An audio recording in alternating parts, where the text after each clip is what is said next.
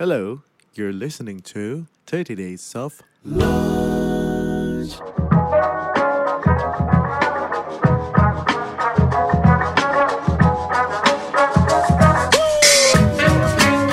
Don't make your kids a mini-me, tapi find out what is their love language gitu. Biarpun itu berbeda, ya tapi yang penting cintanya tersalurkan ya yang penting itu.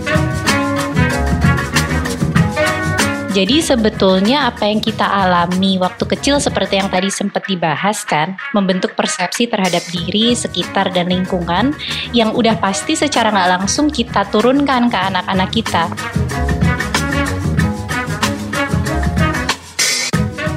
Hey teman-teman tahu kan kerja zaman now menuntut kita harus fleksibel mulai kerja di kantor, coffee shop atau di rumah. Oleh karena itu dukungan device harus tepat. Nah untuk keperluan desain, kerja, and simple editing contohnya, Lenovo Yoga bisa jadi solusinya. Ada versi convertible yang suka touchscreen atau pen dan tentunya bisa memilih Yoga 7i. Atau yang butuh itu dalam keadaan terpisah, bisa versi detachable yaitu Yoga Duet 7i. Atau ada yang membutuhkan super ringan, bisa pilih Yoga Slim 7i Carbon. Jadi apa pun preferensi kamu, Lenovo Yoga bisa jadi solusinya.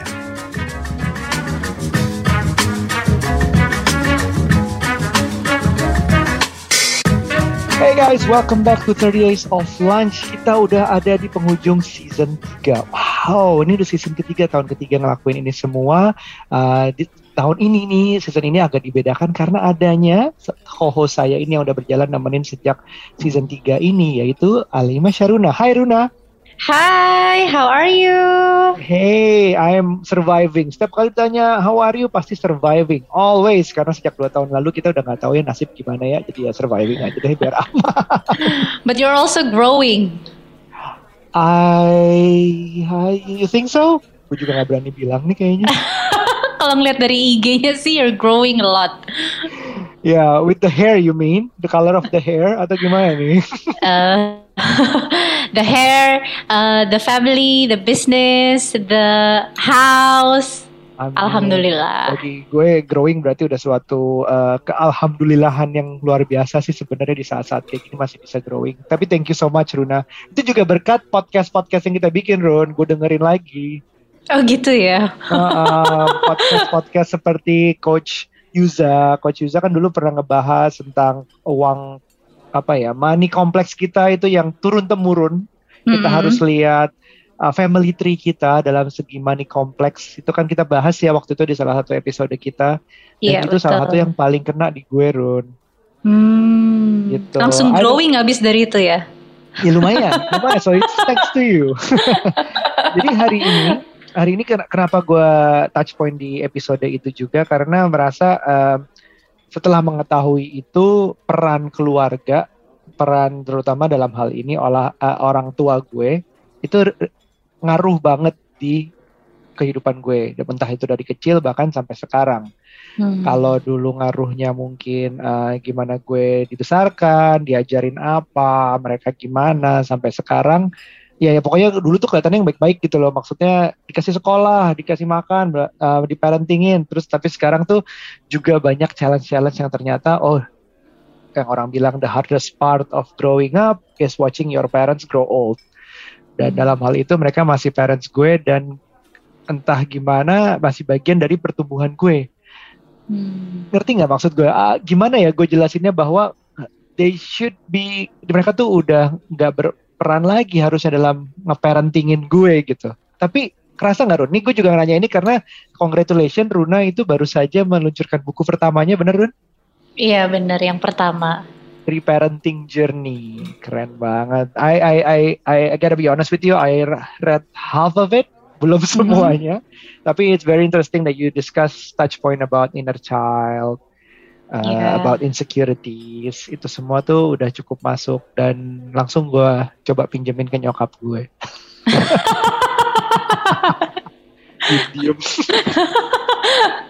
Itu salah satu cara untuk kayak em, menyolek gitu sebenarnya ya, Yo ya. Hmm, Oke. Tapi itu bener gak sih Rul? Maksudnya uh, perjalanan parenting nggak tahu deh kita mulainya dari mana karena perjalanan parenting dari orang tua gue ini kayak nggak berhenti gitu. Nggak ber- berhenti pengaruhnya ke dirimu. Ah, ah. Ya kalau itu kan make sense ya karena kan sebetulnya apa yang uh, dari yang gue paham apa yang memang membentuk kita pribadi kita bahkan our inner constellation di dalam diri kita itu kan rata-rata terbentuk bahkan dari kita dijanin sampai kita tumbuh kira-kira 12 tahunan gitu kan. Hmm. So di situlah kita sebetulnya terbentuk uh, bagaimana kita melihat dunia, bagaimana melihat diri kita sendiri, persepsi diri, persepsi mendapatkan atau menerima cinta itu dari proses kita bertumbuh itu kan. Dan dan kalau uh, sempat membahas, uh, sempat membaca yang ada di buku itu, bahkan the attachment style kita waktu kita kecil itu sangat mempengaruhi bagaimana kita juga berelasi dengan pasangan, teman, coworker, bahkan bisnis partner gitu. Jadi memang itu adalah salah satu uh, pengalaman yang akan terbawa terus sampai dewasa. Nah, cuman kan pertanyaannya kalau ternyata kita merasa nggak nyaman dengan diri kita saat ini, yang ternyata setelah ditelusuri di saat dulu kita mengalami hal-hal yang juga mungkin uh, membuat kita merasa nggak nyaman atau merasa sakit hati atau traumatik itu gimana gitu kan? Ya. Yeah. So pertanyaan itu kan like the big questions, right? Terus gimana dong? gitu bener nggak? Iya sih. Uh, tapi gue balik lagi kalau misalnya kita mendasari uh, arti parenting ya atau dasarnya kenapa deh? Kenapa sih semua orang kayaknya goalnya salah satu goal dalam hidup adalah jadi orang tua punya anak kayak itu sudah suatu oh ya udah garis hidup semua orang tuh begitu gitu. Kalau lo enggak lo aneh. Adalah yang beranggapan seperti itu. Iya. Iya, nah, itu juga pertanyaan gue mau, sih.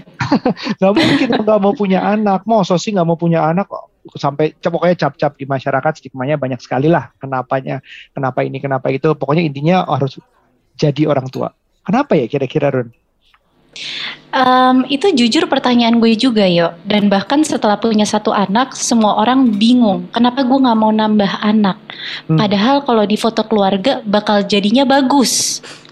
Bahkan ada salah satu kenalan gue yang bilang bahwa hmm, kenapa nggak nambah anak? Aduh, aku belum tahu apakah my time itu waktu aku akan bisa uh, teralokasi dengan baik kalau udah punya nambah anak. Gak apa-apa, kan ada babysitter. Serahin aja ke babysitter. Okay. Nanti, tapi yang penting saat foto keluarga lucu gitu ya. Hmm, Nah, itu itu udah next level Run. Sebenarnya kalau dibilang kenapa nggak nambah anak, kan belum ada laki-laki, belum ada cowok. Kayaknya harus lengkap di dunia ini sehingga apa ya keturunan di dunia nggak akan habis. Emang mereka akan kawin satu sama lain atau gimana? Atau enggak apa biar jumlah wanita sama pria di dunia ini sama? Apa ada tujuan seperti itu? Karena bagi gue nih, gue jadi mikir nih, um, kan gue sudah mengalami uh, tantangan untuk punya anak, terus bercerai, terus masih tidak mudah untuk punya anak. Sempet tuh uh, di masa-masa itu tuh mikirin, ini emang harus ya punya anak ya? Apakah bukannya punya anak itu adalah saja uh, apa ya tanggung jawab juga yang sebenarnya ya nggak semua orang akan menganggap dalam level yang sama. Ini gampang buat satu eh, satu orang, bisa jadi lebih susah buat orang yang lain gitu. Pokoknya segala macam pikiran gue waktu itu ke mana-mana sih. Tapi tetap aja nggak tahu kenapa masih pengen punya anak. nah, akhirnya punya dua sekarang gitu. Iya iya iya. Jujur itu juga pertanyaan gue, tapi gue tahu di sini ada yang bisa menjawab pertanyaan ini. Nah, kita di sini mengundang satu lagi nih lagi nungguin untuk ngomong. Mohon maaf ya sebentar karena kita mau menyambungkan semuanya. Sebenarnya uh, ini semua related. Jadi di sini kita punya Mbak Melinda Sutanto sebagai ini, correct me if I'm wrong, Family Constellation Practitioner. Benar gak? Iya benar. Terima kasih Mas Aryo, Alina Hai. Hai semuanya. Hai, jadi apa sih itu Family Constellation Practitioner? Iya, uh, kalau misalnya saya bisa uh, perjelas uh, dan jelaskan, Family Constellation Practitioner itu adalah uh, metode yang ditemukan oleh uh, psikoterapis dari Jerman. Dia namanya Bert Hellinger, ya kan? Bisa di Google atau manfaatnya banyak dan segala macam. Jadi itu adalah salah satu metode yang uh, psikoterapi yang yang termasuk uh, efektif ya untuk menemukan akar masalah uh, kita semua gitu. Jadi um, gimana ya? Kalau misalnya kita sakit ke dokter kan, oh saya pusing nih gitu ya, uh, dikasih bisa aja dikasih obat obat gitu. Okay. Tapi kan tidak menggali lebih dalam uh, root cause atau akar masalah kenapa pusing gitu. Nah, uh, family constellation ini bisa menggali uh, apa ya blind side yang kita tidak uh, sisi yang kita nggak tahu kenapa sih apa sih uh, masalah sebab akar masalah uh, dari problem kita entah itu uh, penyakit terus-terusan atau uh, depresi atau anxiety atau stres atau financial problem uh, bisa juga bahkan uh, infertility ya. Soalnya kadang kita ada traumatic experience yang kita tidak tahu mengenai hal-hal uh, tersebut gitu Mas Aryo. Jadi okay salah satunya uh, saya ada satu pasien datang ke saya dibilang dia stres gitu uh, gak bisa tidur insom gitu. Nah uh, saya saya bisa aja ngajarin dia meditasi gitu. Yaudah uh, gampang kan? Tapi sebenarnya setelah digali-gali-gali ternyata uh, problemnya dia kenapa nggak bisa uh, kenapa stres gitu? Uh, saya kerjanya ada tiga kerjaan mas Aryo gitu dibilang gitu oh kenapa perlu ada tiga kerjaan uh, karena saya udah uh, telah uh, mau nabung nih, mau dengan keluarga besar ke luar negeri gitu akhir tahun. Oke, kenapa perlu keluar negeri? Bisa nggak staycation aja? Yang penting kan sama keluarga barengan gitu. Oh nggak bisa harus di negara itu. Oh kok dia nggak kebanget di negara ini? Kenapa? Saya soalnya nggak mau mengingkari janji, udah janji sama keluarga karena waktu dia kecil itu ke luar negeri diingkari janjinya sama orang tuanya. Jadi dia hmm. masuk uh, konsultasi with a stress issue nggak bisa tidur, tapi root cause-nya sebenarnya is a disappointment issue to his parents. Wow. Yang dia jadi projection ke depannya jadi bikin diri dia stres nggak bisa tidur sendiri. Kurang lebih persamanya kayak gitu Mas Aryo. So, oke, okay, let me get this straight. Oh, mungkin kita uh, hmm. ini adalah bentuk self healing juga ya. Iya. Uh, bagian dari psikoterapi self healing, tapi menitik beratkan mempertanyakan bagian ke dunia kelu kekeluargaan, keluarganya sendiri gitu ya. ya. Jadi mungkin kita merunut ada apa sebenarnya root cause di dalamnya, ada hubungannya kah dengan keluarganya? Ya. Kira-kira ya. seperti itu. Sebelum kita Betul. bicarain prakteknya Betul. seperti apa. Dan lebih yang lebih gilanya lagi nih, ini seperti aneh bin ajaib, tapi kayak uh, it makes sense uh, logically tapi nggak logical tapi kok bener ya? Jadi family constellation itu dia mengupas uh, seperti uh, gini, trauma yang kita tidak tahu yang dialami nenek moyang atau kakek moyang kita itu yang mereka belum uh, breakthrough yang mereka belum uh, pelajari itu bisa dihibahkan atau bisa diwariskan ke generasi berikutnya.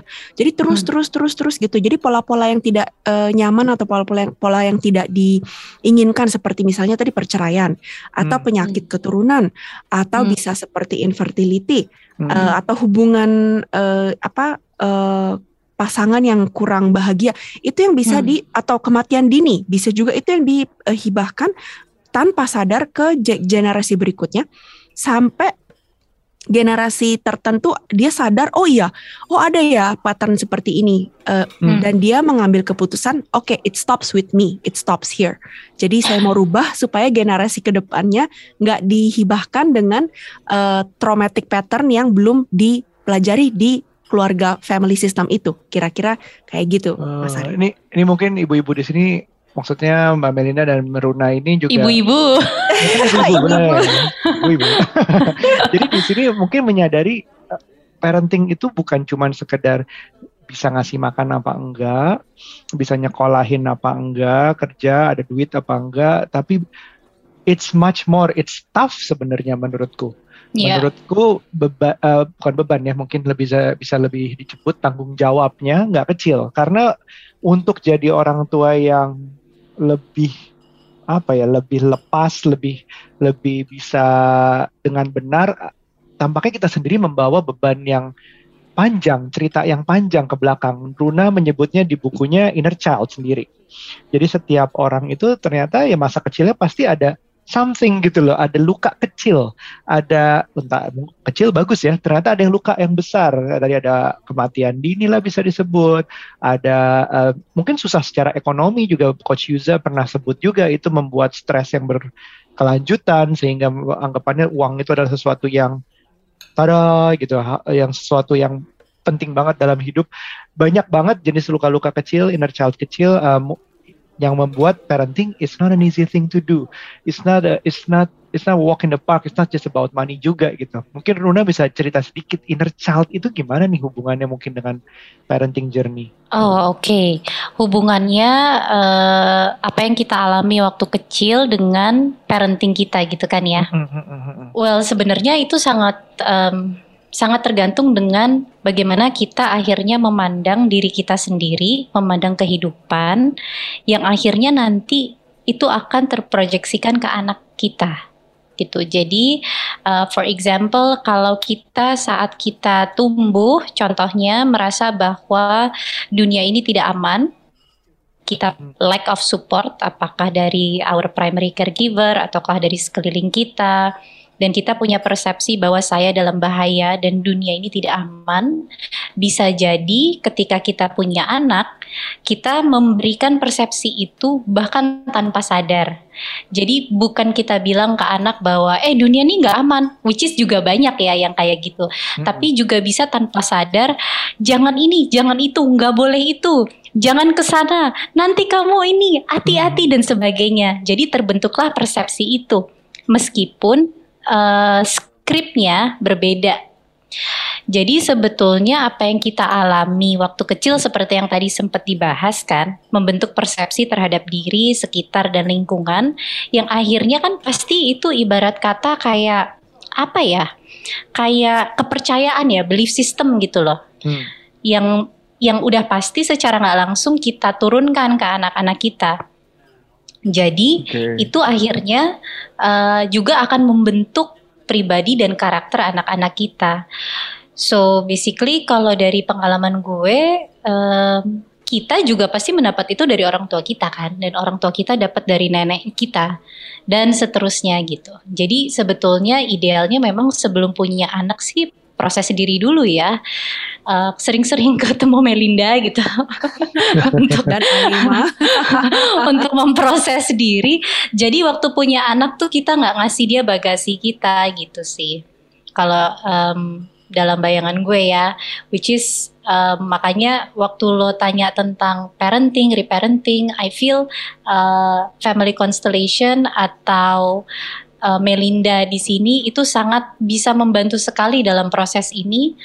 Karena kalau boleh cerita sedikit um, kalau yang gue pahami dan mungkin ini in, mungkin ini uh, kurang tepat gitu ya ada kemungkinan tapi yang gue pahami itu adalah kalau dalam latar belakangnya Sigmund Freud gitu ya kalau misalnya ada fiksasi sama anak atau ada masalah sama anak uh, hal pertama yang ditunjuk itu pasti ini ibunya nih yang salah.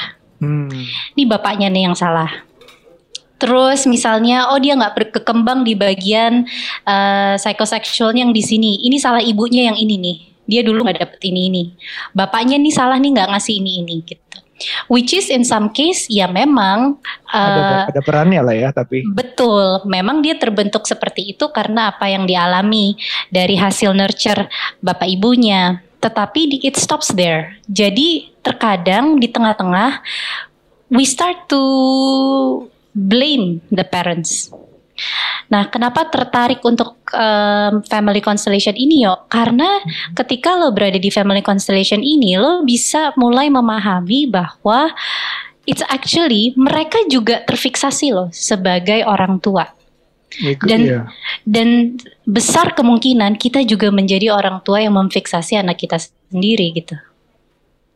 Oh, it's so it's it's hard sih. Um, aku pernah baca apa something some phrase that says we parent our kid the way we want to be parented.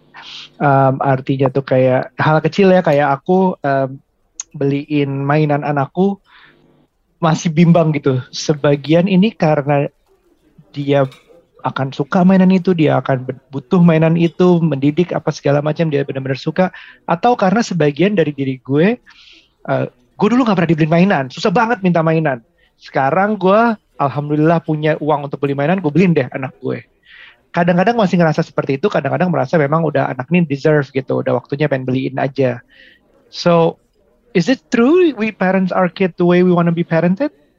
Siapa pun silahkan. Mbak Melinda oh, dulu. Okay. Oke aku cuman uh, beda, uh, bercerita dari pengalaman uh, apa uh, kons konsulta konsultasi konsultasi ya. Soalnya saya juga certified health coach dan family coach juga. Uh, banyak yang uh, uh, untuk uh, perbaikan. Ada gitu ya mom sukam untuk uh, to have consultation. Nih aku mau kok kenapa nggak bisa deket sama anaknya? gitu kan. Dan setelah digali-digali ternyata benar seperti Mas Saryo bilang they parent their kids the way they want to be parented. Jadi contohnya begini, uh, padahal saya tuh udah uh, apa namanya uh, spend time di rumah gitu ya. Saya uh, sacrifice nggak kerja, padahal saya pingin kerja, tapi I give her um, all my time.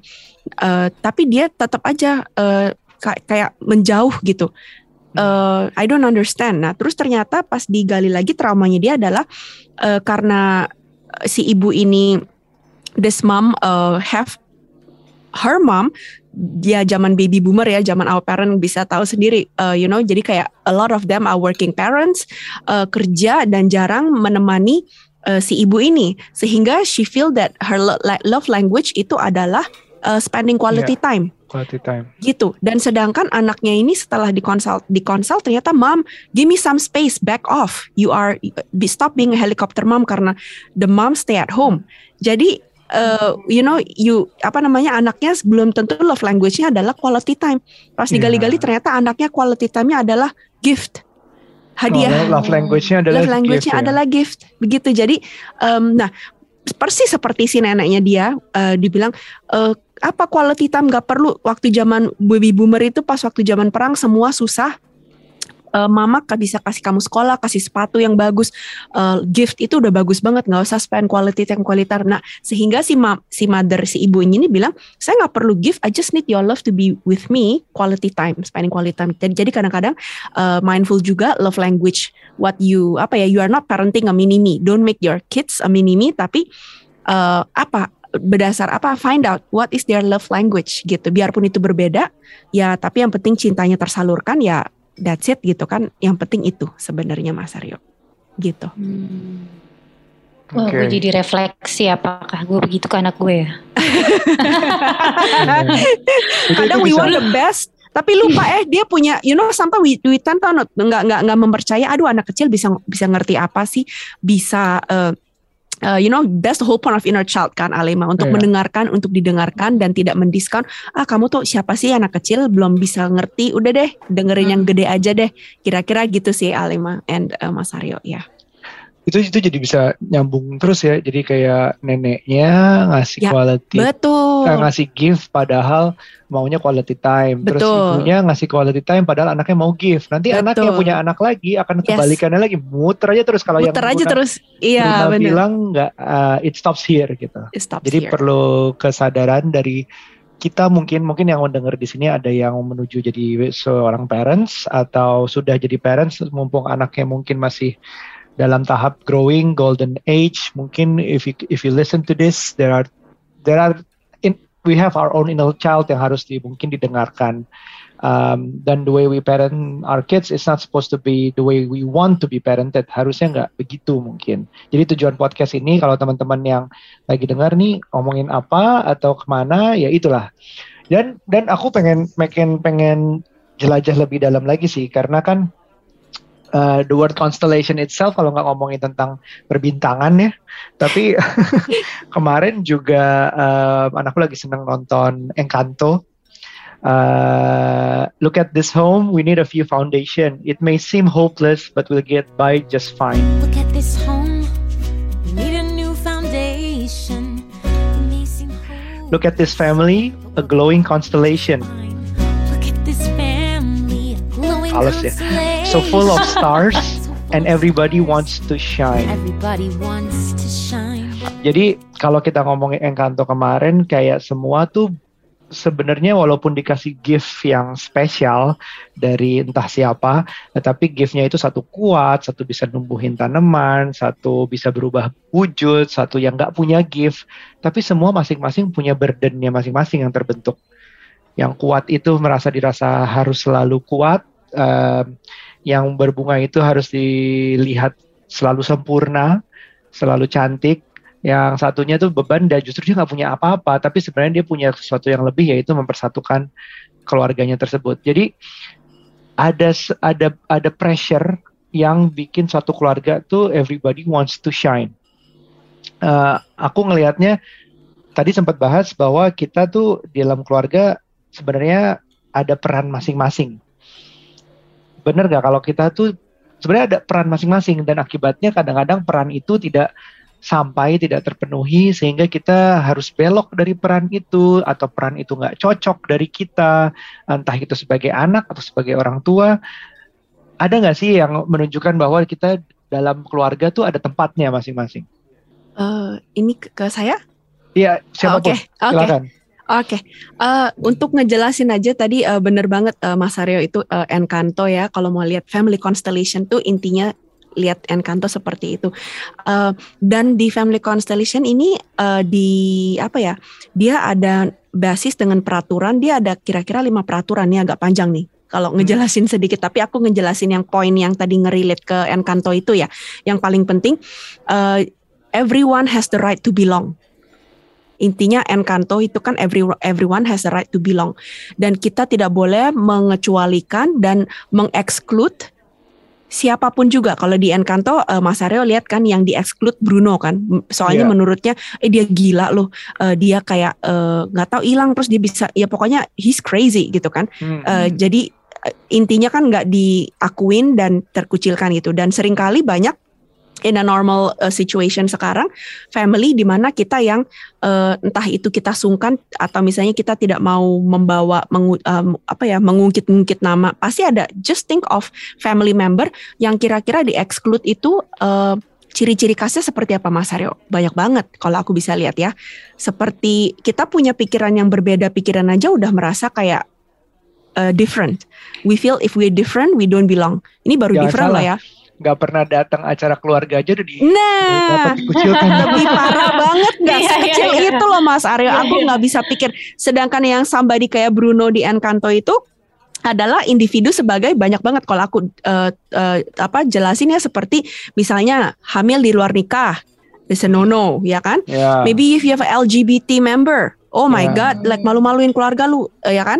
Or somebody go to jail, kayak konflik yeah. gitu kan? Ya, ya kan? Oh cerai lu, I don't know. Pasti ada stigma, you know, kayak yeah. like oh you're not perfect family, you're not a perfect person. Atau misalnya, uh, I don't know, uh, apalah, uh, apa bisa ya? punya anak. Mental, Gak bisa mental punya anak. Illness. Nah, mental illness. Mental thank illness. you. Mental illness. Nah, justru those things um, uh, yang harus kita apa ya?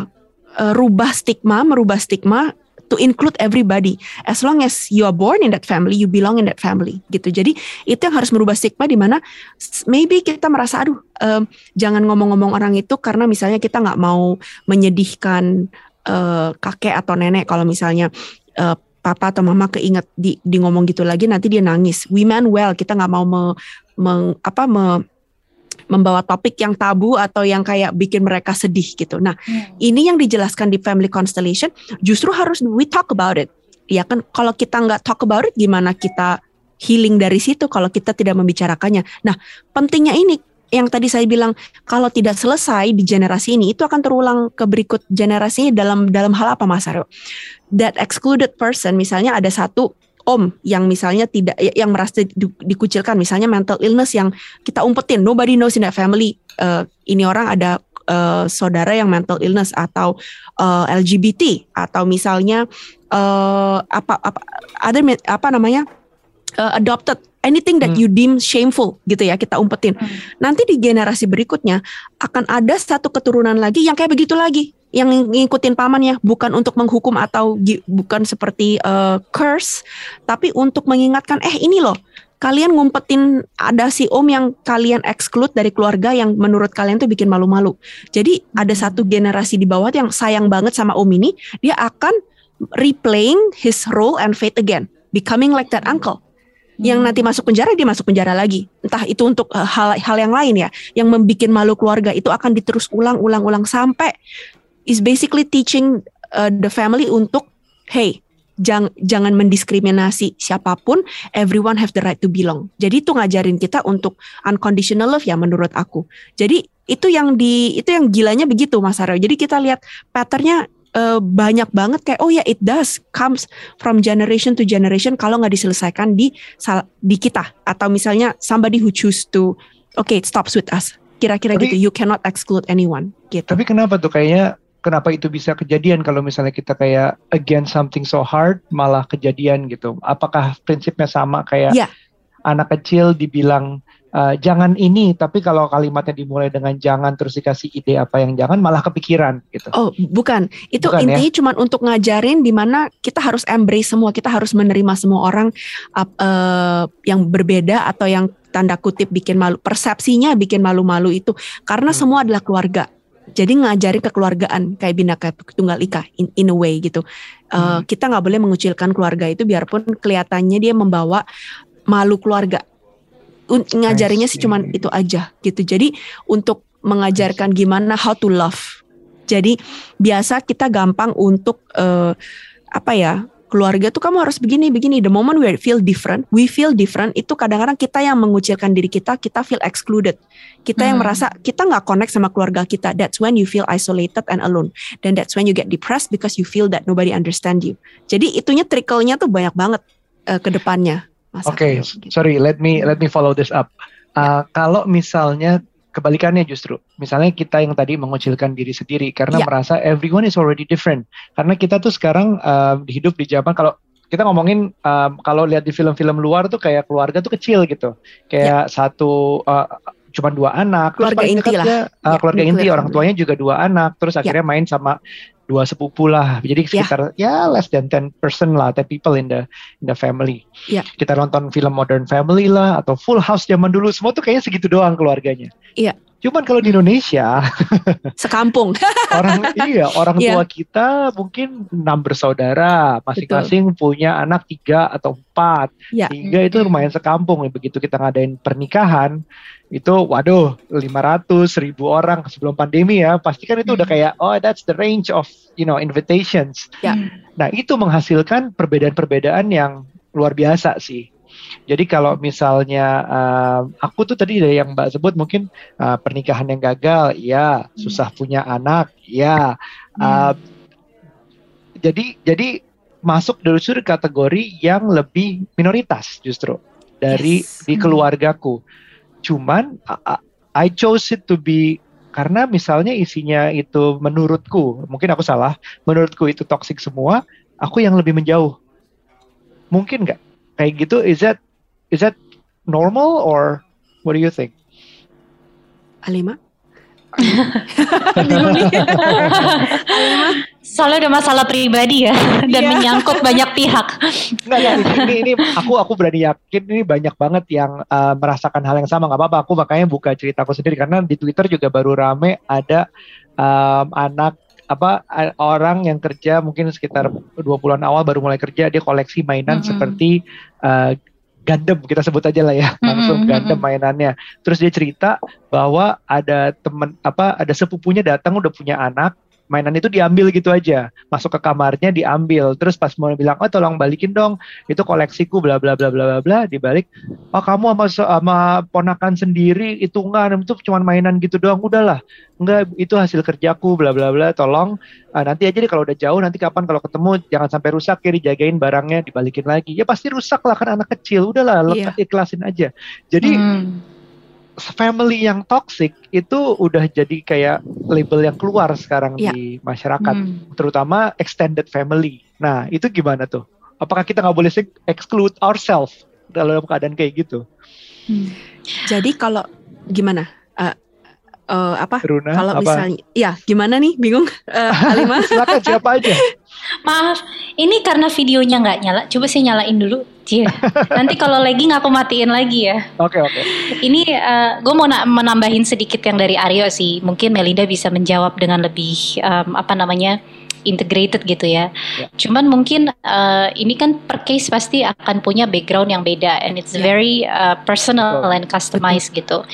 Cuman mungkin kita it's a gray area di mana kita memang harus mengetahui yang kita lakukan itu sedang working on ourselves and putting boundaries atau kita sedang berada dalam flight response. Ya. So it's a big difference yang kita perlu sadari sendiri sebenarnya I'm actually running away from this because I cannot handle this and I don't want to handle this Yes. atau kita memang merasa gue perlu space sebentar karena I wanna work on this issue in this family yang melibatkan diri gue, perasaan gue dan mungkin my inner child juga di dalam situ dan mungkin ketika sedang berproses ini I need my space and time I need the boundaries karena kalau enggak udah mau sembuh berdarah lagi, udah mau sembuh berdarah lagi gitu. Dan even though udah dalam tahap itu perlu kita tetap juga perlu tahu boundaries kita seperti apa. Nah, tapi sering kali yang gue temuin itu memang kayak eh, labelnya boundaries, tapi sebenarnya lagi flight response gitu. Ya betul, setuju. Gimana Melinda? Betul. Jadi Gimana in- intinya gini, eh, memang ada toxic parents atau toxic keluarga gitu ya, yang kita bilang, oh, sometimes kan kalau kita mau remove ourselves dari situ, boleh-boleh aja dong, boleh banget.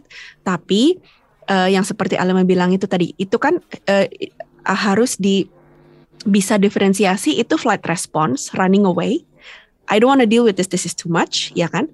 Atau, oke, I need my space, is a clear boundary. I'm working on myself nih. Aku ke-trigger banget deh pas waktu misalnya anak itu nanyain Gundam that his entitlement banget uh, because he's small. Jadi aku harus selalu ngalah. Nah, itu kalau misalnya you need time untuk uh, memproses yang ke-trigger itu tadi apa. Nah, itu boleh-boleh aja uh, asal tahu apakah itu healthy boundary yang uh, untuk perlu space untuk work on the issue atau is it running away yang flight response seperti tadi Alema bilang itu dan sering kali benar Alema yang aku alamin itu is actually the flight response ah I don't want to deal with this ah eh, sebel bikin bete terus you don't that's it gimana jadi kayak to be continued tapi kan kita nggak eh, itu intinya seperti tadi Mas Aryo bilang we exclude ourselves gitu. Jadi em, nanti kalau ketemu keluarga lagi yang lain ditanya pasti akan ke trigger itu muncul lagi kalau kita tidak selesaikan apa yang membuat kita eh, ke trigger gitu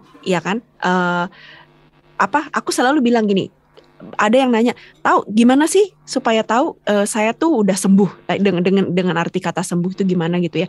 Gampang balik lagi ke situasi tersebut. Bayangin anak apa eh, yang tadi Mas Aryo bilang em, apa keponakannya nyebelin kayak gitu ibunya kayak begitu nothing change for them tapi how you react to them berubah nggak dan without you feeling guilty, without you feeling um, bersalah gitu kan, ya kan, uh, claiming your balance gitu yang tadinya misalnya min Gundamnya itu mau di mau dipinjam terus dia sungkan nggak berani setelah dia merubah atau me, apa mengolah uh, uh, perasaan dia jadi bisa speak up. Oh nggak boleh. Ini kan ini uh, dia jadi berani speak up eh ini Gundam ini yang saya saya bilang nggak boleh nggak boleh karena dengan cara baik lah ya bukan dengan cara marah-marah gitu. Mm-mm. Eh ini dengan uang saya maaf ya eh, nggak bisa.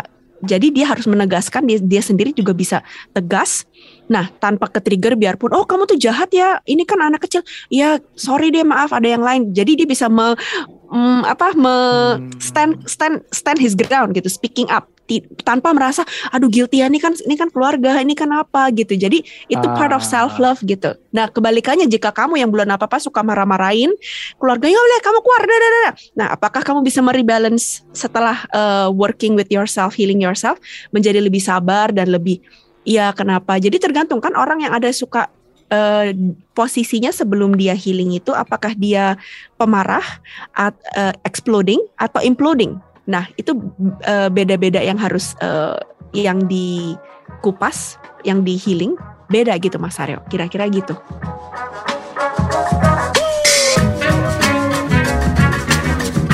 Hey guys, siapa yang selama pandemi ini berat badan malah naik? Gimana nggak naik? Seringnya di rumah, olahraga jadi jarang. Kita harus hati-hati, berat badan berlebih meningkatkan resiko obesitas dan diabetes. Salah satunya adalah dengan cara jaga berat badan. Dengan pilih cemilan yang lebih baik. Memang ada cemilan yang lebih baik? Ada dong. Coba ini, Tropicana Slim Hokkaido Cheese Cookies. Snack bebas gula dengan rasa keju khas Hokkaido yang enak, hanya 100 kalori di setiap sasetnya. Karena bebas gula, Tropicana Slim Hokkaido Cheese Cookies pas banget untuk yang diabetes dan diet. Ngemil pun jadi nggak perlu khawatir lagi deh. Langsung beli dan stok di rumah, belinya di sebagian besar Indomaret di Pulau Jawa dan sebagian besar Alfamidi di seluruh Indonesia. Yo.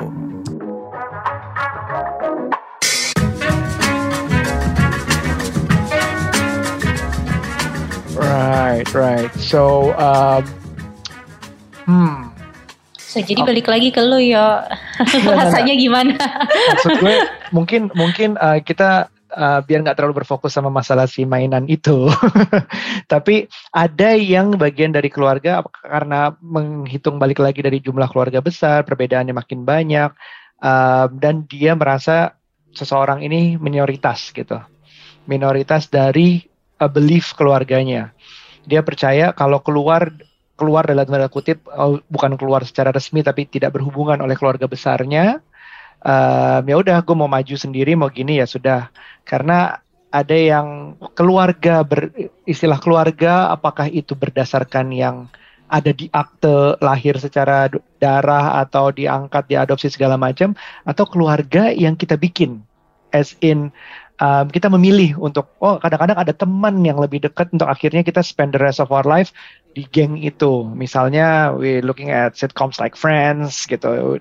Um, ada ada keluarga utamanya justru misalnya friendsnya itu. Atau ataukah keluarga masih dalam definisi um, yang ada di keluarga itu, keluarga bahkan extended family dan kita harus stick dan harus terima apa pun yang ada di dalam situ gitu. Apakah kita bisa exclude sehingga membuat keluarga sendiri? Nah, Alima tahu ya repeating pattern. Sebelum kita membuat keluarga sendiri di luar entah itu by blood atau by uh, teman, kalau misalnya keluarga sendiri di rumah berantakan dan masih seperti tadi Alima bilang yang flight response, ah udah bodo amat eh tahu ah mereka toxic bodo amat. Nah, masih kita belum heal dari keluarga inti kita, itu akan meripit. Jadi teman yang kita yang kita keluarga dengan arti kutip teman yang kita jadikan keluarga itu akan mereflek atau akan menarik uh, vibrasi atau seperti energi yang belum terses terselesaikan tadi uh, yeah. seperti gitu Mas So it's really re depends on your reason ya atau motif behind it yeah. kenapa itu semua terjadi. Nah, pertanyaannya gimana cara kita tahu ini emang kita sudah healed apa belum? Ya, seperti tadi aku bilang. Jadi kalau ke, ke, ke kumpulan keluarga gitu ya, e, contohnya ini kan besok saya juga mau merayakan Imlek gitu ya. Pasti hmm. nanti ter, ter, tertrigger nggak dengan kata-kata kamu gendutan deh kayaknya. kamu kapan kawin? Udah umur berapa? Iya, coba kalau misalnya rasanya ih ini orang kepo banget gue sebel. Nah itu you know as a sign belum um, selesai inner work atau uh, atau misalnya mengolah mengupas diri uh, uh, self uh, self reflectionnya oh, tuh belum kalau selesai. Kalau misalnya kita oh ya itu di dianggap aja she, she meant well dia cuma mau nanyain atau misalnya bisa basa-basi atau emang she meant well tapi kesannya tuh intrusif. Kita cuma bisa ketawa tapi nggak sebel sama nih orang. You wow. know you already healed when you do that kira-kira in that stage gitu ya. Jadi nggak kita juga nggak bersusah payah untuk ngejelasin minta mereka menerima pandangan kita, tapi kita juga nggak menjejelkan pandangan kita ke mereka. Nih loh, ngertiin nih, ini pandangan gue biarpun gue gue nih minoritas. Jadi kayak kita saling mengerti tanpa kita ekspektasi mereka kita menerima sudut sisi pandang dari kita. And yeah, okay. okay. Dan okay, kita nggak okay. exclude karena karena oh kok pandangan saya nggak diterima ya aneh gitu ya nggak apa-apa ya mereka punya hak untuk agree or not agree tapi is your responsibility untuk mengutarakan this is what I believe yeah. gitu dengan baik-baik ya bukan yeah. this is what I believe why you don't guys don't don't don't uh, nggak ngertiin gue not in that yeah. not in that stage gitu. Jadi ya, contohnya kalau misalnya kita ke acara keluarga tiba-tiba wah gemukan ya padahal yeah. menurut menurut orang Jawa gemuk tuh makmur dulu. Ah gitu. iya. ya, aminin aja. Uh, oh, iya makmur. Oh, iya. I'm growing gua, my size too gitu. Bener, jadi gue ngerti bahwa oh you meant well. Yeah. Just don't know that it it, uh, itu nggak bukan dengan tujuan Nah, gue kadang untuk biasa kadang-kadang kita ke-trigger oh I feel unwanted. Ah, jam umur segini belum dapat pacar. Oh my god, I'm so unloved. Nah, itu ke-trigger yang eh, trauma-trauma yang tanpa sadar ya kalau kita orang dengan kata eh, nanyain dengan eh, eh, dengan sepatah kata ke- seperti itu aja Mas Aryo gitu. Hmm, ya ya ya ya. So it depends really what's inside, what's happening Yes. inside. Apakah What sudah healed? What's your motive? What's your reason? What's how do you feel? Itu sangat terpengaruh. Iya. Gitu. Ya ya ya. Oke oke jelas. Jadi bukan masalah eh, siapa yang exclude siapa, siapa Ya. yang di-exclude karena apa, itu belum tentu jadi masalah benar atau salah, tapi mungkin Betul. lebih ke arah dalamnya kita sendiri rasanya seperti apa. Wow. So that's what you get in family constellation Iya, session. dan dan satu lagi family constellation juga ngajarin kita untuk abis itu kita nggak bisa lihat siapa benar siapa salah. Kita cuma Iya. bisa lihat ya itu adalah eh, cause and effect. Jadi intinya kalau misalnya ada si ada ada kasus kayak bully sama yang dibully, kita tanpa family constellation kita bisa jelas dengan lihat oh yang yang salah ya pasti si bully kan dia nggak boleh nonjok orang misalnya Hmm. nonjok temennya gitu. Udah pasti salah dia. Nah, tapi setelah di family constellation ternyata oh si anak ini cuman karena orang tuanya tuh sering berantem, tapi berantemnya nggak di depan dia loh, di belakang dia. Dan anak ini bisa menangkap energi yang eh, apa ya, yang tidak vibes, iya itu dari orang tuanya sehingga orang energi marah kan gak enak banget ya. Jadi tuh Iya. karena dia berada di satu rumah sama orang tuanya, nggak berantem di depan anaknya pun energinya tuh kerasa. Jadi si anak ini tuh kan nggak enak ya. Jadi anak ini suka nyakar, terus suka nonjok di di di di di di, di kelas gitu. Jadi Hmm. kesannya tuh agresif. Nah, agresif ini dari mana? Ya, ya tadi aku bilang itu ya orang tuanya yang an- ay- eh, ayahnya dan ibunya yang eh, bukan kadang-kadang bukan denial tapi kayak enggak kok you know you know you have that ada tuh teman yang kan are you okay no I'm fine no but you look angry. No I'm fine. Jadi kayak jangan deny. Ya kan denialnya juara banget tuh kasihan anaknya karena sampahnya tuh it's so uncomfortable. Jadi kalau mau healing number one tuh harus jujur dengan perasaan sendiri jangan denial juara. Wah itu number one itu yang paling aku alamin ya. It's okay to say that you're no I'm fine gitu. Eh, soalnya kenapa? Why you're so kenapa sih defensif banget gitu? Oh nah terus setelah digali-gali iya karena dari kecil crying won't solve the problem, kan Problem. Iya, iya, nah, iya. yes, I know. Cuman maksudnya dalamnya nih kan juga sampahnya harus dikeluarin ya, gitu supaya uh, you have you become a better parent, better decision maker, better leader. Kalau kita jujur sama perasaan sendiri kan vulnerable bisa vulnerable itu sesuatu kekuatan bukan suatu kelemahan kira-kira gitu sih Mas Aryo. Aduh, crying won't solve the problem. Kadang-kadang gue kalau lagi kesel sama anak gue keluar juga tuh kata-kata itu. nangis gak ada gunanya deh. Awal-awal sih bisa, kamu kenapa nangis? Iya. cerita, Ngerti, ngerti. Terus udah nangis gak berhenti berhenti setengah jam. Udah deh nangis gak ada gunanya. Ah, tapi jadi ada pertanyaan tambahan Melinda. Berarti Iya. di family constellation itu mau nggak mau kita harus rela melihat masa lalu ya.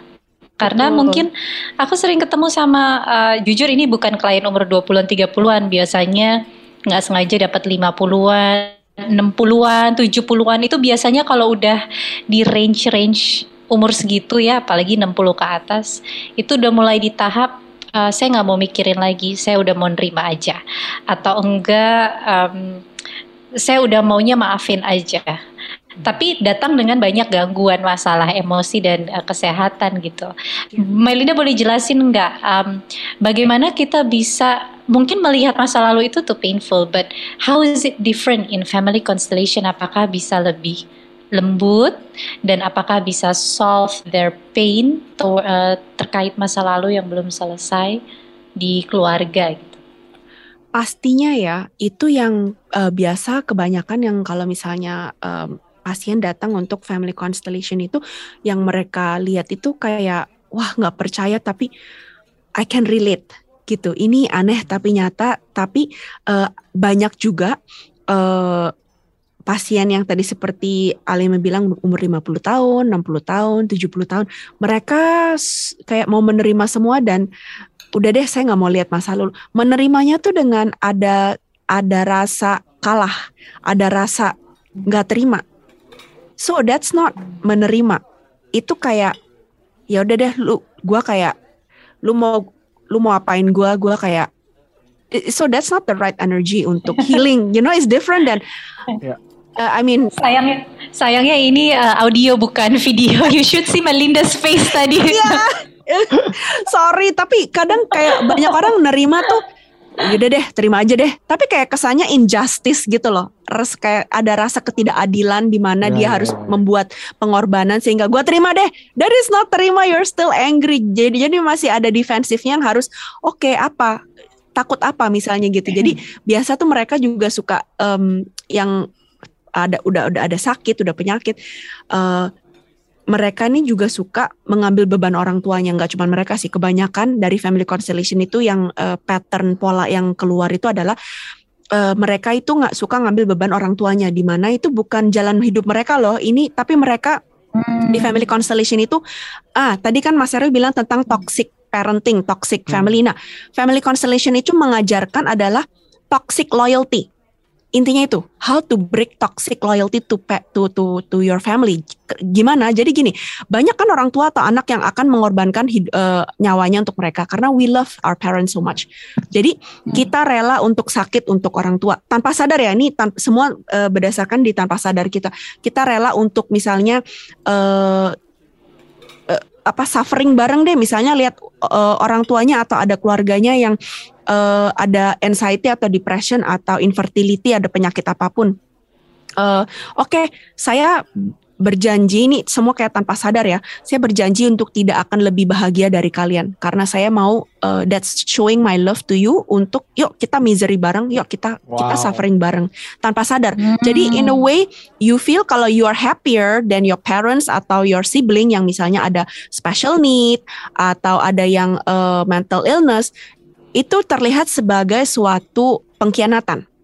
And that feels don't- feel good. You want to love your family in toxic ways. Jadi akhirnya tanpa sadar that's how patternnya yang bawa yang yang kita alamin sendiri tidak merasakan kebahagiaan di uh, relationship atau kita Hmm. uh, infertility, illness, depression, suicidal, uh, apa, even yang financial success, susah sukses di kantor, it comes out differently for different people, kayak gitu. Hmm. Jadi family constellation ngajarin untuk how to break toxic loyalty to your family, gitu.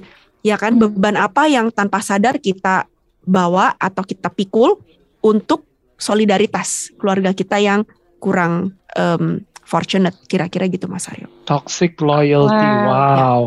Atau bisa kebalikannya nggak Melinda? Misalnya nih um, ada orang tua yang dia pingin banget like uh, she or he always need to be the best in everything. Nah. So sebagai anak toxic loyalty-nya adalah so I cannot overcome apa yang dia yang uh, bapaknya atau ibunya uh, raih karena they have to be the best in the family. Gitu. Bisa juga bisa juga biasa family constellation dilihat di situ dinamisnya akan merebalance seperti tadi yang Mas Aryo bilang. Oh, jadi nggak bisa bisa dong yang mamanya mau eh, love language-nya gift terus anaknya love language-nya beda lagi. Iya, we see that a lot of time di family constellation. Jadi kalau misalnya tadi Ale bilang ibunya itu wah high achiever gitu ya. Hmm. Bagus banget nih.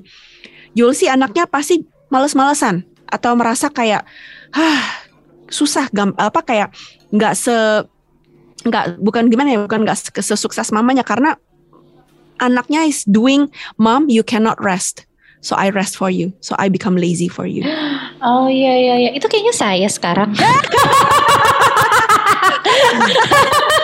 tas Ma, oh, tas gue juga gue juga Jadi biasanya, biasanya kayak gitu, Gila. anaknya. Oh ibunya udah sukses, ah, anaknya manja jadinya, semuanya gampang, semuanya dapat. nah itu adalah kalau gue kebalikannya ya. nanti kalau misalnya Betul. Nah itu juga di di psychology namanya juga parentification kan. Kalau misalnya lihat parentsnya yang immature, yang aduh apa apa nggak bisa atau misalnya um, ya having issue lah untuk troubling to be. Nah anak ini jadi super responsible karena mom you are not a responsible mother, so I I I will be responsible for you. I do it for you. Jadi untuk cinta mereka, jadi itu untuk rebalance-nya begitu Apa namanya parentification? parentification. Jadi parentification adalah kalau misalnya orang tuanya itu eh, eh, kalau kalau misalnya kita grow up too fast, too soon. Iya kayak much. misalnya um, jadi tinggal tiba-tiba jadi single parent gitu. Ya, or Salah satu anaknya jadi menggantikan peran yang ditinggalkan. Atau misalnya eh, salah satu orang tuanya misalnya em, apa itu em, alkoholik atau addiction ada addiction problem sehingga atau gimana pun juga anak itu eh, anaknya banyak misalnya ya kan jadi si Hmm. anak ini harus grow up quick nah itu juga pasti akan ada trauma tersendiri yang si anak ini eh, ada gitu misalnya I don't want to be a burden to my parents kelihatannya kan cinta ya tapi Mm-mm. sebenarnya itu nggak boleh gitu merasa Iya. kita tuh membebani orang eh, keluarga karena Iya, nanti iya. patternnya dia akan menjadi whatever she feel doing, she always feel like a burden. Sakit mau sembuh, kenapa mau sembuh? Aku waktu dulu pernah tanyain, oh I don't wanna be a burden, nggak mau ngerepotin, nggak mau ngerepotin. Hmm. Itu akan susah, em, bukan susah kaya ya, susah untuk menerima bantuan dari orang lain. Karena Oh kita dari God. culture juga untuk Mandiri. selalu diajarin memberi, Ya, memberi, memberi. Tapi nggak diajarin untuk, eh kamu menerima tanpa pamrih, susah banget kalau Oh di my God. culture kita. I remember my mom Melinda ngomong kayak gitu. Oh gitu. Aku bersyukur sekali ada podcast ini aku jadi menyadari satu lagi pattern yang terkuat.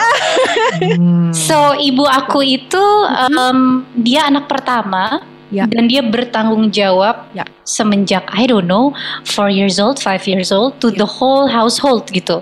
Ya. Masak, nyuci, apa segala macem. Jadi kalau misalnya mau uh, pergi terus adik-adiknya belum siap dia yang dimarahin. Uh, Ya. Jadi dia sudah menjadi tanda kutip orang tua sejak kecil Hmm. dan seumur hidupnya dia jadi merasa bahwa kalau someone minta tolong ke dia atau ada masalah dia harus menjadi orang yang solve the problem dan juga bertanggung jawab untuk menyelesaikan itu makanya hidup itu sibuk banget Ya. nah akhirnya ke yang tadi sempat kita bahas aku ngeliat dia gila sibuk banget kayak gue nggak mau secapek itu deh hidup ini jadi I feel so lazy. tos, tos, tos. Bukan lazy karena kita merasa, aduh gila. Ada dua, ada dua sih Alima eh, yang aku sadari dengan diriku sendiri gitu ya dengan punya mama yang segitu hebat, segitu wah tangan baja. Lu mau suruh dia apa aja ting- tinggalin di hutan pasti dia hidup punya gitu. Like Iya, iya, one iya. part dan dulu waktu pas gua self healing gue juga bilang orang tanya konflik dengan mam mama nggak ada I love my mom very much gitu to the Hmm. point I put her on the pedestal she's like the perfect ideal for a woman tapi ada sisi baliknya yang yang aku baru sadarkan dari family constellation ini Alima adalah wow expectation uh, my expectation for padahal bukan nyokap gue yang bilang ya gue nih tuntutan dari gue for me to be lovable worthy of love tuh harus kayak nyokap gue mati aja gue nggak bisa napas dulu karena wow she's so perfect. Bye gitu. Jadi I even Ah. sempat trying kayak udah nggak deh nggak nih gue nah terus itu yang jadi menghambat gue nerima cinta dari nyokap gue bukan nyokap gue yang nggak cinta gue ya. Gue kayak merasa kayak oh gue nih belum ngelakuin apa-apa. Gue baru achieve apa ya? That I deserve my mom's love itu kan Hmm. toxic juga buat diri kita karena kita nggak me, we don't allow our mom's love untuk mengalir pada diri kita sendiri itu satu. Yang kedua tadi yang seperti Alima bilang dari family constellation kita juga nge- ngenyadarin nyokap kita tuh super responsible, super semuanya super able, capable sehingga capek apa ya apa dia tidak bisa susah kayak resting itu kayak guilty atau minta Iya betul. lazy. Nah, so we we be lazy for them. We rest for them. Nah, terus pikiran gue langsung, wah ini berarti excuse gue untuk males-malesan kali ya? Enggak juga gitu. Yang penting jangan dibuat kita aware. Ini bukan excuse untuk kita males-malesan. Tapi kayak, oh ternyata itu adalah rebalancing pattern aja karena nyokap udah segituan, segitu hardworking, segitu capeknya sehingga kita nih yang mom I do it for you because I love you. Whatever you cannot do it, we do it for you. Ini masih Iya. pattern yang nggak apa-apa ya Alema. Ada pattern yang jelek lagi sampai yang kayak mom itu sampai sexual assault, rape cases itu gara-gara imbalances because the mom is not able to be sexually intimate with the parents. Hmm. Jadinya incest, jadinya rape. Ini itu another podcast kali ya. Jadi sampai se, se- se- segitunya. Jadi Hmm. apa ya we as uh, daughter we as parents yang penting apa ya itu tadi kayak refleksi diri sendiri Hmm. ya ya apa namanya apa ya buang sampah supaya itu yang sebenarnya kita nanti hibahkan ke anak-anak Hmm. uh, tanpa sadar gitu Iya. Alima Hmm. gitu. jadi Iya. healing methodnya Hmm. abis itu kalau kita udah sadar oh ya udah kita ceritanya our our moms cannot rest ya kita istirahat buat mereka ya udah sekarang kita dari family constellation itu akan di-guide untuk ini balikin ya yang bukan punya kita, ini jalan hidup yang kita pikul loh, ini punya orang tua loh. Kita balikin bukan dengan cetus, bukan dengan uh, Marah-marah. tujuan untuk marah-marah, untuk ngeblame, tapi Hmm. oh saya sadar ini bukan jalan hidupku loh dan di family constellation itu eh, diajarin kita harus nerima semua keluarga jalan hidup keluarga tuh masing-masing berbeda. Nah, kalau kita coba saling membantu dengan tanda kutip membantu, itu akan meribetkan jalan hidup kita sendiri-sendiri jadi benang kusut gitu. Hmm. Kan banyak orang yang enggak dong, kan harus dibantuin. Saya you know, anak begitu harus diluruskan lagi. Enggak, nggak bisa dong. Saya nggak bisa terima. Eh, harus lebih bagus lagi dah. Jadi nggak bisa terima itu yang bikin family constellation dinamisnya jadi imbalance semua kira-kira Hmm. kayak gitu. Like what we Wow. did gitu. Jadi kita balikin, Mam ya is your problem you cannot rest. Oke, aku mau balikin tanpa mengurangi rasa cinta aku sama mama sama papa gitu. Hmm, Because yeah. we as kids, kita as anak, kita gampang banget uh, we tend to see ya orang tua mana yang le- lebih lemah atau yang lebih benar. We tend we tend to take sides tanpa sadar. Hmm. Bener Ya. nggak? I- Belum Membela lagi atau kalau ditambahin oh papamu tuh begini nih. Nah. Belum dari ibunya Nah. bilang papamu begini, ibumu tuh yang begitu tuh. Nah, nah, the, the moment kita take side, the moment kita sendiri yang mengkat cinta alir- aliran cinta dari yang kita judge, entah itu bapak atau ibu gitu. Hmm. Jadi dari Ah. family constellation itu kita ngajarin, eh nggak usah pilih kasih deh ya, ya maybe your dad sucks or your mom sucks misalnya sampai ya knock on wood kayak KDRT atau gimana. Ya itu pilihan mamamu loh, itu pilihan papamu. Kamu nggak usah ngejudge, balikin semua pikulan yang bukan punyamu tuh balik ke mereka tanpa mengurangi rasa cinta kepada papamu dan mamamu karena you are here, you're born on this earth. Kalau nggak ada papa mama kamu, kamu nggak di sini gitu. Jadi Ah. pin- pentingnya untuk ngebaliki beban itu supaya kita nggak ngejudge dan kita bisa sayang tetap sama si papa sama si mama biarpun eh, kesalahan mereka apa pun or something ya that that that that uh, But I bet uh, it's gonna be hard though. I mean, if you oh it's a see- journey It's definitely a journey. Karena betul. satu satu ngelihat yang satu di misalnya disakiti, dilukai. Yes. pasti pasti secara insting akan tapi pasti memihak gitu, Pasti, menolong pasti. dan memihak. betul nah itu perlu journey yang tadi at least kita ada kesadaran oke ujungnya saya nggak mau memihak bukan karena saya nggak mau ikut-ikut tapi kalau saya the moment kita, saya mihak kita kan nggak tahu background misalnya si papa pu, papa papanya ini inner childnya gimana kita nggak tahu pasti si papa punya inner Hmm. child si pelaku atau misalnya si korban ini punya inner child masing-masing yang belum tersembuhkan Ya. how did he grow up how did she grow up kita nggak punya full picture itu untuk gimana ya untuk em, memahami. me- eh, memahami dan bukan maksudnya justifikasi oh nggak apa-apa KDRT itu dibolehkan bukan untuk itu tapi untuk me- memahami si kedua orang tua ini gitu Wow. kira-kira Wow. gitu Tapi ya kalau boleh tambahin dikit tadi kalau uh, di poin di uh, awal banget tadi kan kenapa waktu itu kok I feel so uh, apa bahasa lebaynya tuh in love lah ya sama family constellation itu karena uh, kelihatan banget ya Melinda ya bahwa we don't blame anyone here gitu. Ya. Uh, di mana kalau dulu biasanya anak begini kita begini pasti salah ibu kita dulu Hmm, karena hmm. di umur segini kita nggak dapet ini salah bapak kita dulu karena begini tapi waktu udah di family constellation tuh udah kebuka bahwa mereka juga punya bagasinya masing-masing Iya, iya. jadi otomatis tuh akhirnya kita juga nggak marah lagi gitu ataupun kalaupun masih marah tuh udah bukan marah yang gila loh gitu ya. Karena kita ngerti ya gitu. Jadi Betul. family constellation nge- ngebantuin untuk kita ngertinya cepat di mana kalau kita untuk mau menerima kan kita harus ngerti dulu ya. Kalau enggak kan Ya. menerima diikhlaskan gimana caranya gitu? Gue bukan Tuhan Iya. gitu yang bisa. Lu ikhlas ya sekarang ya? Nggak bisa gitu. I need to understand before I can ikhlas. Sorry gitu ya to say bersyukur jangan lupa. I'm so glad that we did this podcast deh sebenarnya. Karena um, family is one thing that mungkin yang kita jalanin uh, masuk ke psikologi kita ke dalam banget bawah sadar mulai dari yang bahkan Coach Yuza pernah bilang dari masih di dalam per- perut sampai akhirnya kita hidup bertahun-tahun. Setiap hari yang kita lihat mau itu dari yang masa kita masih grow 0 sampai 5 sampai 7 tahun sampai terus berjalan otomatis pasti ada yang membekas di kita gitu.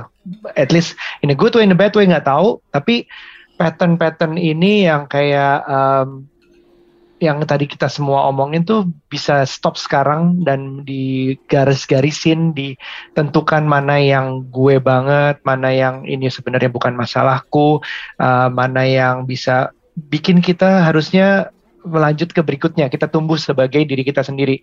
Entah itu nantinya kita jadi orang tua lagi uh, kita jadi pasangan jadi bisnis partner seseorang itu bisa jadi lebih full lagi lebih full kita. Bukan uh, titipan as, uh, as in kayak dari orang tua kita, dari masa kecil kita. Karena family constellation ini bukan cuma orang tua ya, bisa juga yang membesarkan kita dari kecil ikutan juga. Itu play part juga, bener kan? Jadi makanya kita hari ini kita ngobrol uh, tentang yang namanya topik baru sebenarnya buat gue uh, family constellation ini. Bisa cek uh, Melinda. Bisa jadi kita gimana? Kita datang ke Mbak Melinda terus what are you gonna do? You gonna it's a, it's a consult, consultation session apa gimana nih Jadi Teknisnya. ada uh, ada tiga tipe sih. Ini, ini apa? Satu yang uh, we have public workshop setiap bulannya bisa dicek aja uh, apa tanggalnya di The Golden Mhm. Space Indonesia ya kan Family Constellation kita selalu ngadain uh, Family Constellation Public Workshop dua kali sebulan tanggalnya kan beda-beda gitu ya jadi kalau Oke. mau ya bisa so it's a group session ya It's a group Hmm. session ya. Nah, buat yang teman-teman, aduh tapi malu nih pertama kali masa buka-buka eh, apa aib atau apa gitu ya, nggak biasaan. paham, paham. Kita juga ada private consultation one on one supaya bisa lebih ngedalemin juga eh, kalau misalnya mau lebih private ya kan. Terus yang ketiga, kita akan ada retreat eh, kayak family eh, weekend family constellation retreat di Bandung tanggal 20 18 sampai 20 Maret.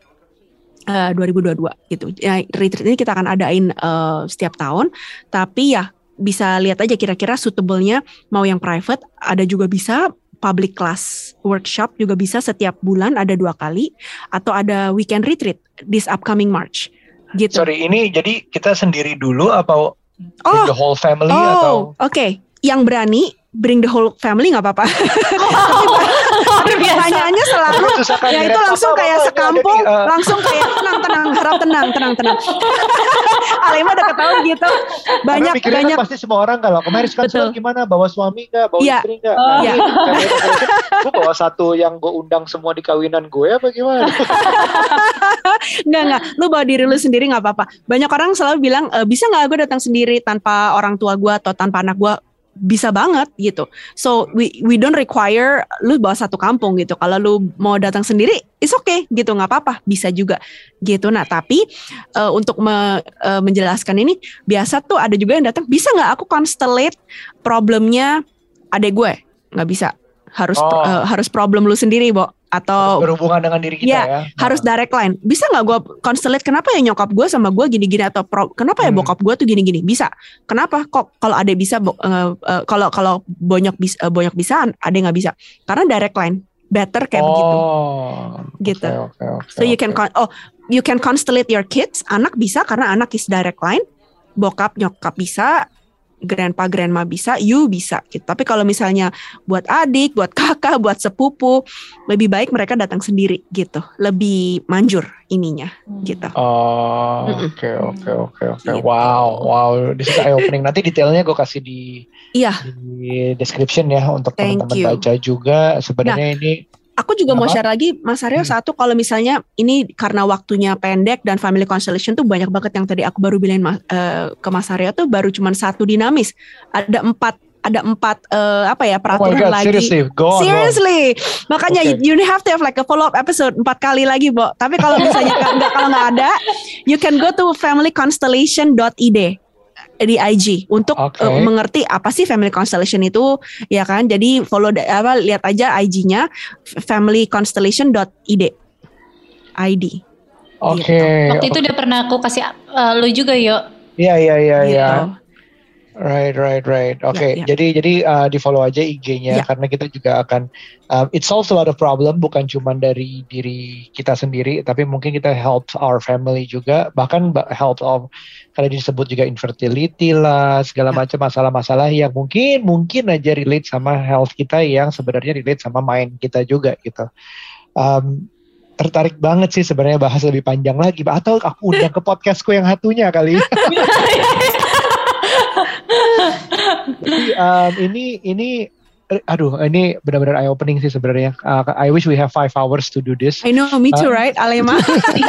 gue Aryo harus coba, harus coba. Baru habis itu bisa ngomong lagi sama Melinda Iya, ya. soalnya aku juga bilang tadi sama Alema, aku mau- eh, ini Mas Arya harus coba nih. Soalnya aku bisa ngocros gini dua jam, tapi kalau nggak dicoba susah ngebayangin gimana sih caranya gitu kan? Eh, Tapi abe- eh, dulu sih pernah mungkin bukan family constellation, tapi kayak uh, diajakin meditation di uh, marriage marriage workshop gitu Oke. um, tentang orang tua gitu. Uh, meditate meditate berapa lama, terus what comes in your mind, top of your head, the best moment with your dad pertama gitu, best moment with your mom.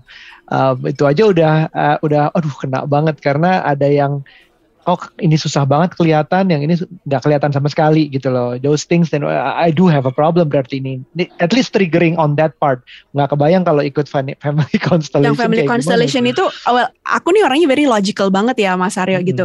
Nah, yang aku yang yang pas family constellation itu kan soalnya cara bukan cara mainnya ya. Proses workshopnya itu adalah eh, misalnya kita punya problem, eh ini aku kok kenapa ya eh, cekcok terus sama nyokap gue, tolong dong gue mau tahu akar masalah di mana. Nah terus kita dari dari kelas tuh milih total strangers yang kita nggak pernah tahu, kita nggak pernah ketemu nih orang siapa namanya juga gue nggak tahu untuk act out atau role play sebagai kita sebagai ibu kita sebagai misalnya akar masalah kenapa gue problem sama nyokap gue jadi gue gue tinggal tunjuk gitu di kelas oh I pick Mas Aryo to be my mom. I pick Alema as my mom gitu ya untuk merole playkan masalah apa ini. Yang gila tuh bener-bener Alema bisa tahu nyokap gue kayak gimana padahal I don't even know who Alema is. Gaya-gayanya persis. Aduh kok sakitnya gue sakit perut terus. Iya my mom tuh ada sakit perut. Kayak gitu. Jadi bener-bener it's apa ya nggak bisa semuanya keluar gitu. Jadi you really know oh dinamisnya nih di sini yang Hmm. ternyata problemnya because it's total stranger eh, ya itu yang nggak bisa susah dijelaskan. Itu yang ada sisi metaphysical and uh, psikoterapinya di situ yang kayak wah gila nih bener banget ya oke oke gitu. Jadi ya itu. Hmm. prosesnya seperti itu dari situ bisa dapat kesimpulan oke ke depannya gue harus ngapain nih? Apa yang gue harus you you become more clear untuk ngambil step-step ke depannya berikutnya untuk healing lebih dalam bagaimana? Kayak gitu sih Mas Aryo Kalau gampang nangis sih biasanya jadi nangis yo. Oh.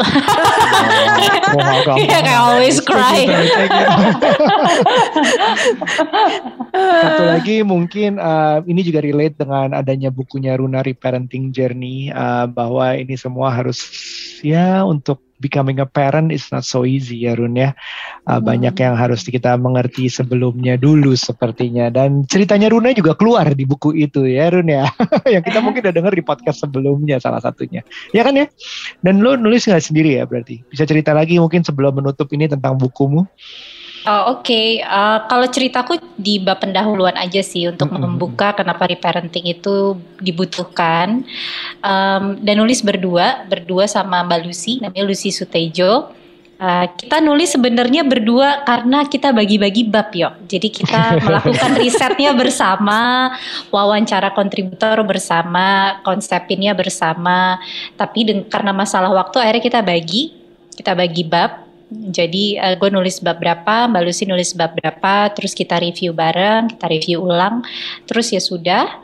Tapi eh, intinya itu eh, masalah-masalah yang di situ yang paling sering kita temui, eh, yang ternyata setelah datang ke kita ujung-ujungnya adalah apa yang terjadi pada eh, childhood mereka gitu. Hmm. Ya. Right, right, right. Ah, terima kasih. Uh, eh, sorry, silakan masih mau melanjutkan. Oh enggak, cuma ini aja dan ternyata eh, kita berdua pun punya pengalaman bahwa oh sebelum kita ngasuh anak kita kita harus ngasuh diri kita sendiri dulu ya ternyata karena eh, sebelum ngasuh diri kita ya anak kita juga nggak akan dapat the full part of us gitu. And it's not fair for them ya. Ya. Alright, alright. Thank you banget Runa and Melinda. Gue jadi mikir deh abis ini deh. Aduh, pusing deh. Ayo, ayo. Pusing deh, pusing. Ah, pengennya, pengennya tuh cuma cerita-cerita ke temen doang sambil minum gitu. Aduh orang tua gue nih, gitu. -gitu. Ternyata nggak menyelesaikan masalah ya, nggak begitu. boleh boleh itu step pertama adalah val- validasi val- validasi feeling ya itu itu Validasi itu penting feeling. juga gitu Benar, benar, benar. Right, right. Oke, okay. uh, thank you so much waktunya. Ini gue yakin banyak ngebantu di banyak uh, orang pendengar. Semoga kalau iya pun teman-teman tolong yang dengar di sini uh, jangan lupa follow Mbak Melinda di The Golden Space Indonesia dan familyconstellation.id. .id dan juga .id. terakhir um, Aruna udah tahu lah ya mungkin kalau belum follow kalian sayang sekali kehilangan banyak hal berguna dari Instagram Aruna. Tidak juga sebenarnya. Saya itu private banget kayak kucing oh, gue, iya. anak gue or at least um, share this particular episode karena gue yakin banyak yang membutuhkan uh, banyak yang tentu berasal dari suatu keluarga yang punya cerita masing-masing sendiri yang berbeda-beda yang mungkin pengaruh ke diri kita juga. Uh, terima kasih sudah mendengarkan. This is the end of the episode, almost the last episode of season 3. I hope you enjoy this and you share this. Uh, jangan lupa di Spotify juga ada uh, sistem rating sekarang silakan dari 5 bintang itu bisa dipencet 6 atau 7 bintang mungkin padahal cuma ada 5. and I'll see you guys in the next episode. Thank you, Melinda. Thank you, Runa. Bye. Thank you. Thank you. Bye. Bye.